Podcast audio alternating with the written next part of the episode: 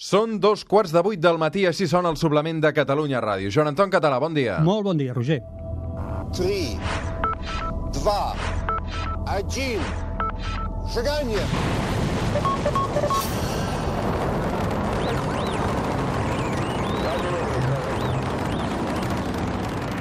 One small step for man, one giant leap for mankind. Joan Anton, com estem? Molt bé, i tu? Ell és la veu científica del suplement cada diumenge a l'hora que surt el sol. Bé, de fet, encara no ha sortit avui. A quina hora sortirà el sol, Joan A Anton? les 8 i 11 minuts. A les 8 i 11 minuts sortirà el sol, cada dia una mica més tard, cada dia falta menys perquè passi al revés, perquè tan bon punt passi el solstici d'hivern, eh, tot això canviarà, i això Exacte. serà al voltant, eh, pràcticament ja a tocar. Sí, el 21 de desembre. 21 de desembre. El Joan Anton Català, eh, ja ho sabeu, ens acompanya al suplement cada cap de setmana per ajudar-nos a entendre millor tots els misteris inacabables de l'univers. A vegades eh, els entenem, a vegades no els entenem tant. Eh, per exemple, el Joan Anton moltes vegades ens parla de xifres, paràmetres que ens costa d'assumir perquè són tan grans que ens costa d'imaginar-los i avui precisament el que li hem demanat és fer un exercici sobre aquesta qüestió, que ens intenti aclarir precisament les magnituds. How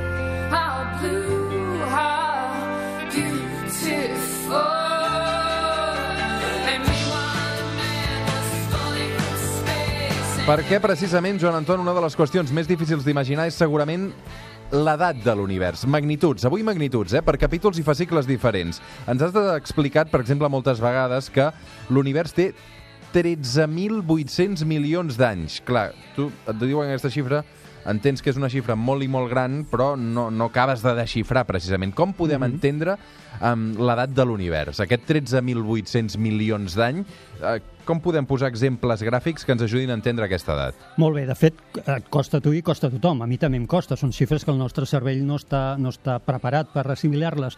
Per això m'agrada sempre posar exemples i, de fet, el que vaig fer amb la data de l'univers és convertir-lo en una setmana. Vaig dir, imaginem que l'univers és una setmana i que ara som doncs, al final d'aquesta setmana i anem a veure com han anat passant les coses Per tant, som a diumenge. Som a diumenge, acabant la setmana, a les 12 de la nit, i anem a tirar arrere i veiem com va començar. Clar, tot va començar fa 13.800 milions, milions d'anys, amb el Big Bang, a les 00 hores del dilluns. Allà va començar tot. I a partir d'aquí anem veient què va passar. Fixa't-hi. Vaig llegint apunts, vaig mirant Sí, apunts, sí, perquè no, sí, em vull, no em vull equivocar amb les coses que vaig calcular. Fixa't-hi, són 7 hores després de que naixés l'univers, estem a dilluns, a les 7 del matí, ja començarien a formar-se les primeres estrelles de l'univers. Però no seria fins dimecres, al migdia, que es formaria la nostra galàxia, la Via Làctea. Per tant, fixa-t'hi, de dilluns que neix l'univers a dimecres, res. Res pel que fa a nosaltres. Conseqüències del Big Bang, no? Sí, conseqüències del Big Bang, creació d'estrelles, de galàxies, però el que és la nostra galàxia no es forma fins dimecres al migdia. Però ara, atenció, anem fent zoom cap al que ens interessa. No? El nostre Sol no apareix fins a les 4 de la tarda del divendres. El divendres. I 29 minuts més tard, més o menys mitja hora més tard, es forma la Terra. Per tant, estem acabant la tarda de només divendres. 29, mitja hora més tard que aparegui el sol ja, ja surt la Terra. La Terra, però estem a divendres Sense ja. sol no hi ha vida, està clar, Correcte. però...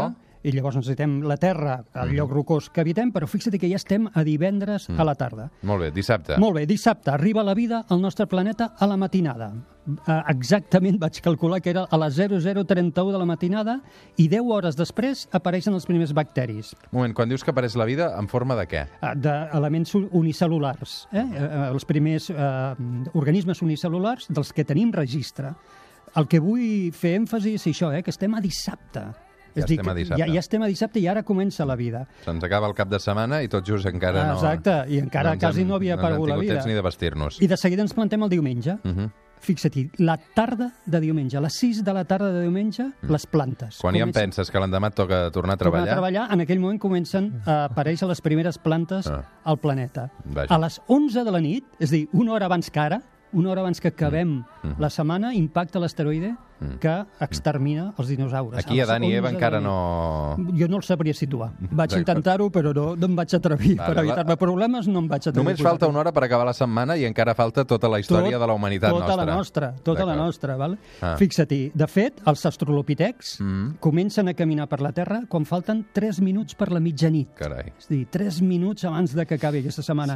Sí. I l'Homo sapiens, el nostre avantpassat, apareix 9 segons abans que acabi aquesta setmana. És a dir, fa 9 segons aquí hi ha concentrada tota la nostra història. Això, per tant, eh, és fàcil arribar a la conclusió que sovint passa amb aquest espai que es diu La Terra és plana i amb el Joan Anton Català, que és que no som res. Oh my mind, oh my stars, everything you see is.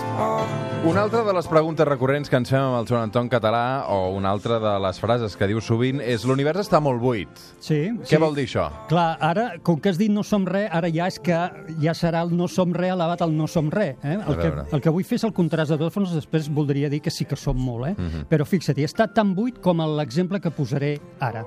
Per simular la quantitat, la densitat de matèria que hi ha a l'univers, hauríem d'agafar un granet d'arròs, dividir-lo en nou trossets, Mhm. llançar-ne vuit i quedar-nos només amb la novena part d'un granet d'arròs, esmicolar-lo amb un polsim ben finet i distribuir aquest polsim per una esfera de la mida de la Terra, que estigués buida, això vol dir el novena part d'un granet d'arròs esmicolat, distribuït per una esfera eh, igual de gran que la Terra. Això ens donaria idea de la quantitat de matèria que hi ha al nostre univers. Jo sempre dic, si algú vingués d'un altre univers i es pogués mirar el nostre i li diguessin, escolta'm, què hi ha dins d'aquest univers que estàs mirant? Diria, res, absolutament res. I seria una de les aproximacions més fantàstiques, més precises de la, de la ciència. És increïble. Però això, Fascinant plegat, eh? Sí, però això va molt més enllà, perquè clar, ara t'estava dient eh, com de buit és l'univers, però ara deixa'm que et digui com de buit som nosaltres, perquè nosaltres també estem buits, perquè la matèria és buida.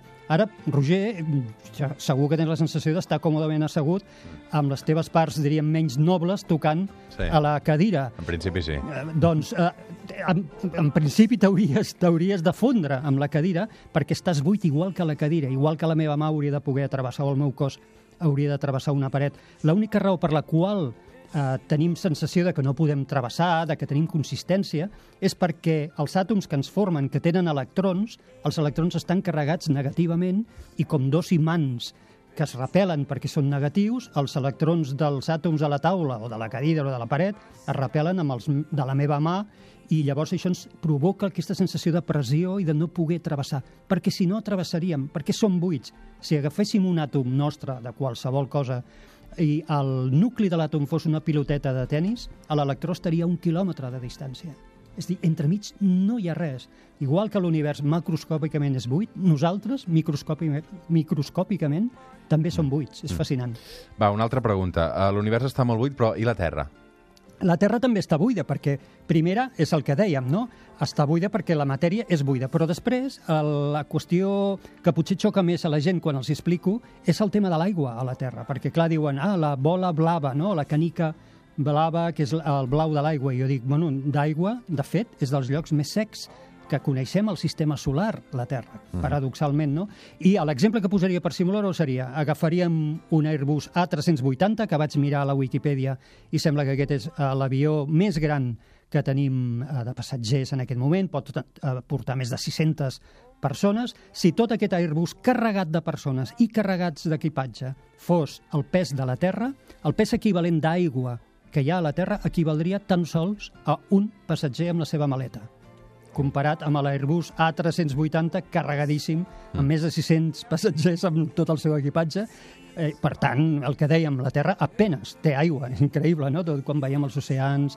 Hi ha altres objectes del sistema solar que, sent més petits que la Terra, tenen molta, molta més aigua que la Terra. Però això és un canvi de, de, de concepte respecte al que realment imaginem, no? Que Clar. no té res a veure, no? Ens trenca el- aquest paradigma de la Terra, la Terra blava sí, la Terra de l'aigua sí, gràcies a l'aigua som aquí, però en realitat... Molt menys del que ens imaginem. Correcte, molt menys. Som al Suplement, som a Catalunya Ràdio, avui amb el Joan Anton Català, a la Terra és plana, juguem amb les magnituds.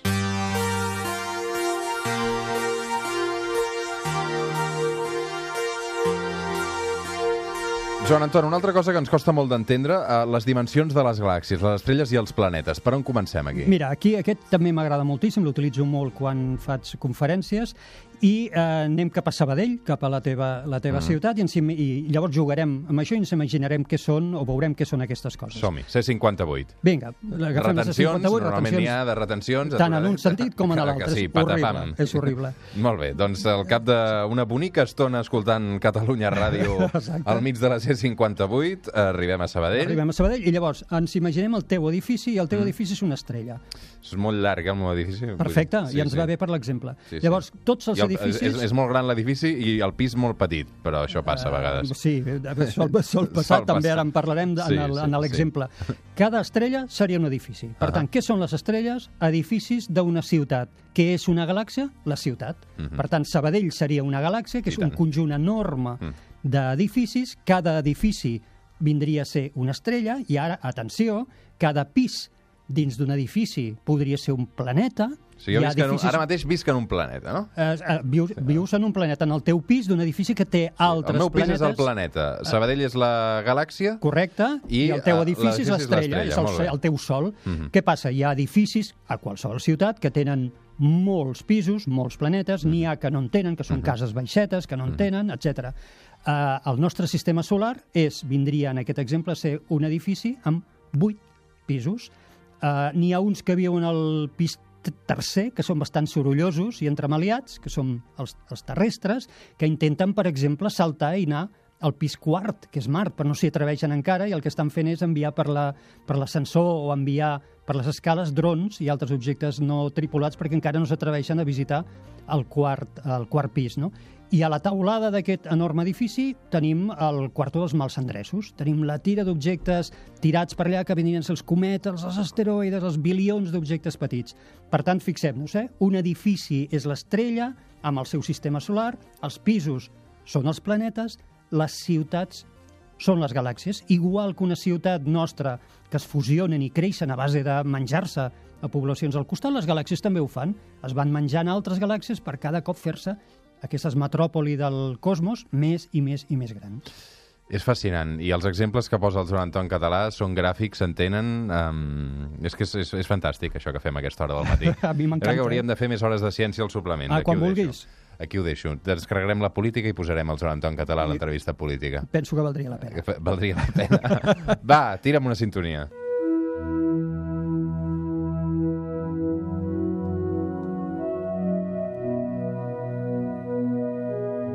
Joan Anton, hem posat l'exemple de Sabadell, eh, després m'acusen de centralista. Deixa'm preguntar-te si la Via Làctia fos Barcelona, que, que, no, que no se sentin ofès. Què passaria?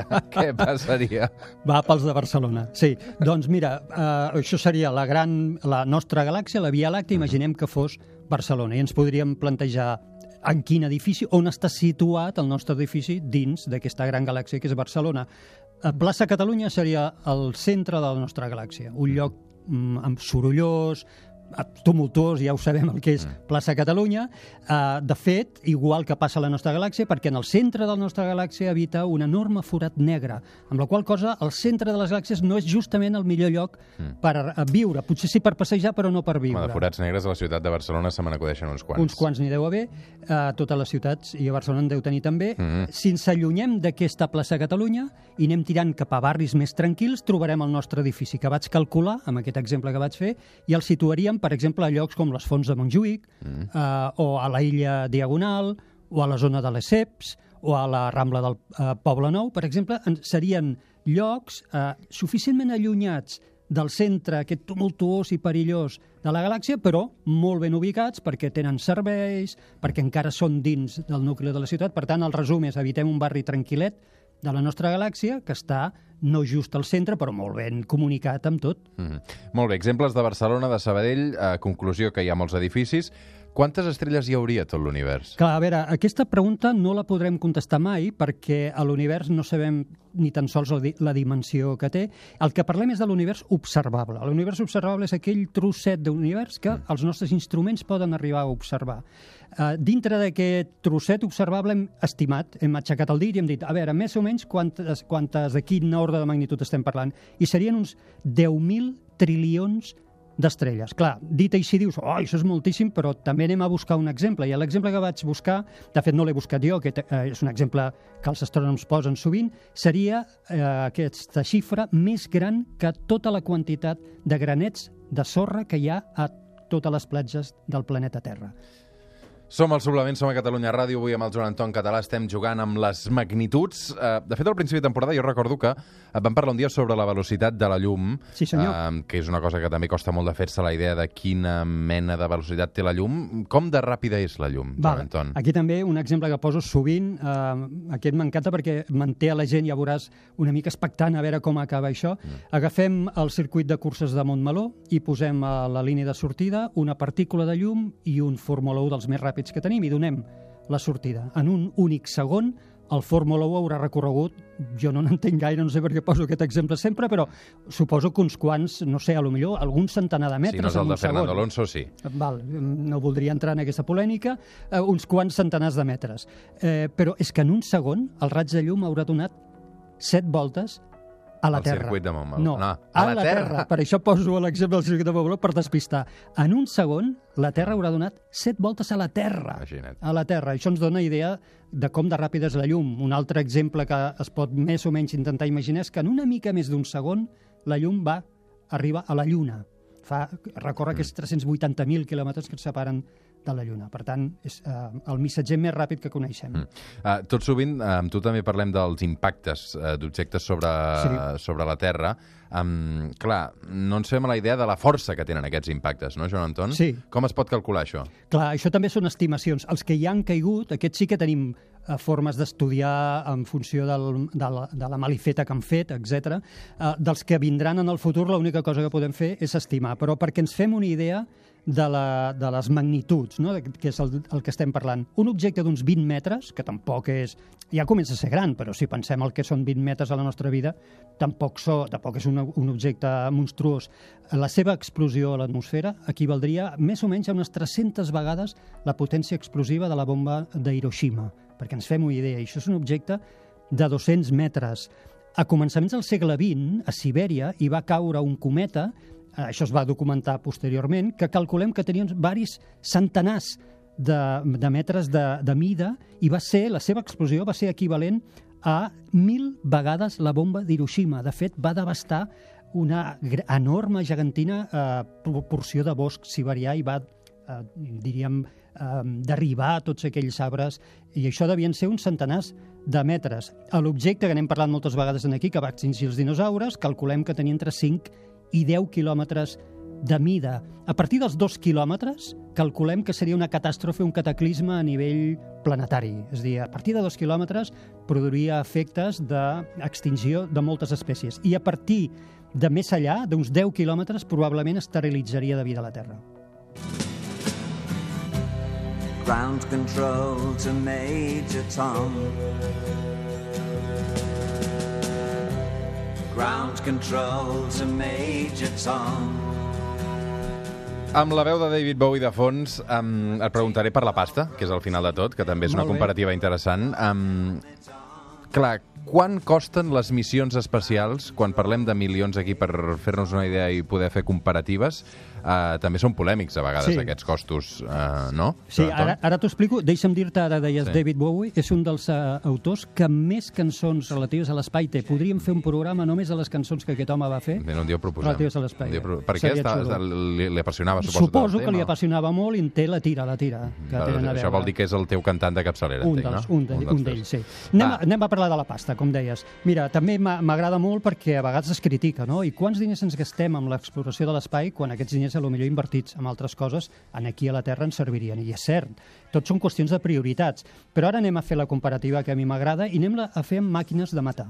Anem a fer amb avions de combat que construïm doncs, això per, per llançar bombes. Mira, l'F-18, que és un avionet que ja existia quan jo era jove i, per tant, això vol dir que fa molt de temps que existia, se n'han fabricat molts al món, Espanya té una flota de F-18 més o menys de 75 avions, doncs aquest F-18, amb 8 avionets d'aquests, 8 avionets, pagaríem una missió a Plutó com la New Horizons, que ara està anant cap a... Ja, pas, ja va passar Plutó, per tant, fixa-t'hi, eh? d'avions que no sé quants F-18 s'hauran construït al món, milers d'ells, amb 8 paguem una missió espacial no tripulada superlluny. Però eh, llavors hi ha un bombarder estratègic que té els Estats Units, que es diu el B-2, que sembla ser que és l'avió de combat més car que existeix en aquest moment, als Estats Units en té 21, doncs eh, només amb un d'ells pagaríem tres missions d'aquestes. Tres missions en pagaríem en un avionet d'aquestos de combat, o pagaríem els robots a Mart que tenim, o pagaríem el telescopi espacial eh, que ha de substituir el Hubble, només amb un avionet d'aquests. Per tant, sí, és veritat, són importants els diners, s'han de- s'ha de, veure en què els invertim, però hem de ser conscients, hem de fer aquestes comparatives i veure Tu què no faria, dediquem. no faria retallades en el món científic. Home, eh, és ja que ho trobo ridícul quan estem mi- veient aquestes altres quantitats Sí, de sí. coses que serveixen per matar.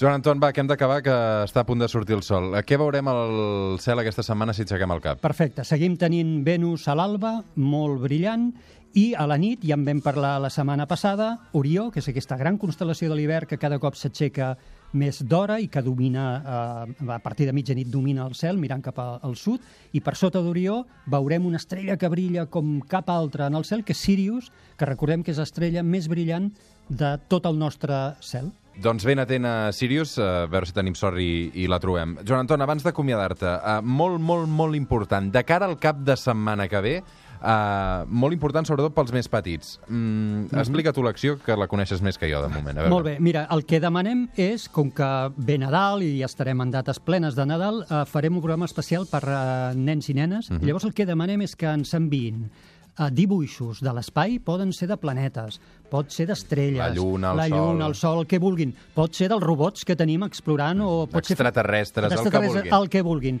Que posin, si volen, el nom i la- Dibuixos vinculats a l'espai. a l'espai. Eh? Nom, edat, edat, i ens els envien al, Uh, al suplement, suplement. suplement arroba catradio.cat, arroba estels i planetes si voleu penjar Si Twitter, voleu. arroba el suplement, però sobretot la millor via suplement arroba catradio.cat el cap de setmana que ve una terra esplana dedicat als més petits al suplement. Joan Anton, uh, a veure si tenim sort. A Una veure, abraçada. a veure. Gràcies, igualment. Pausa i tornem al suplement.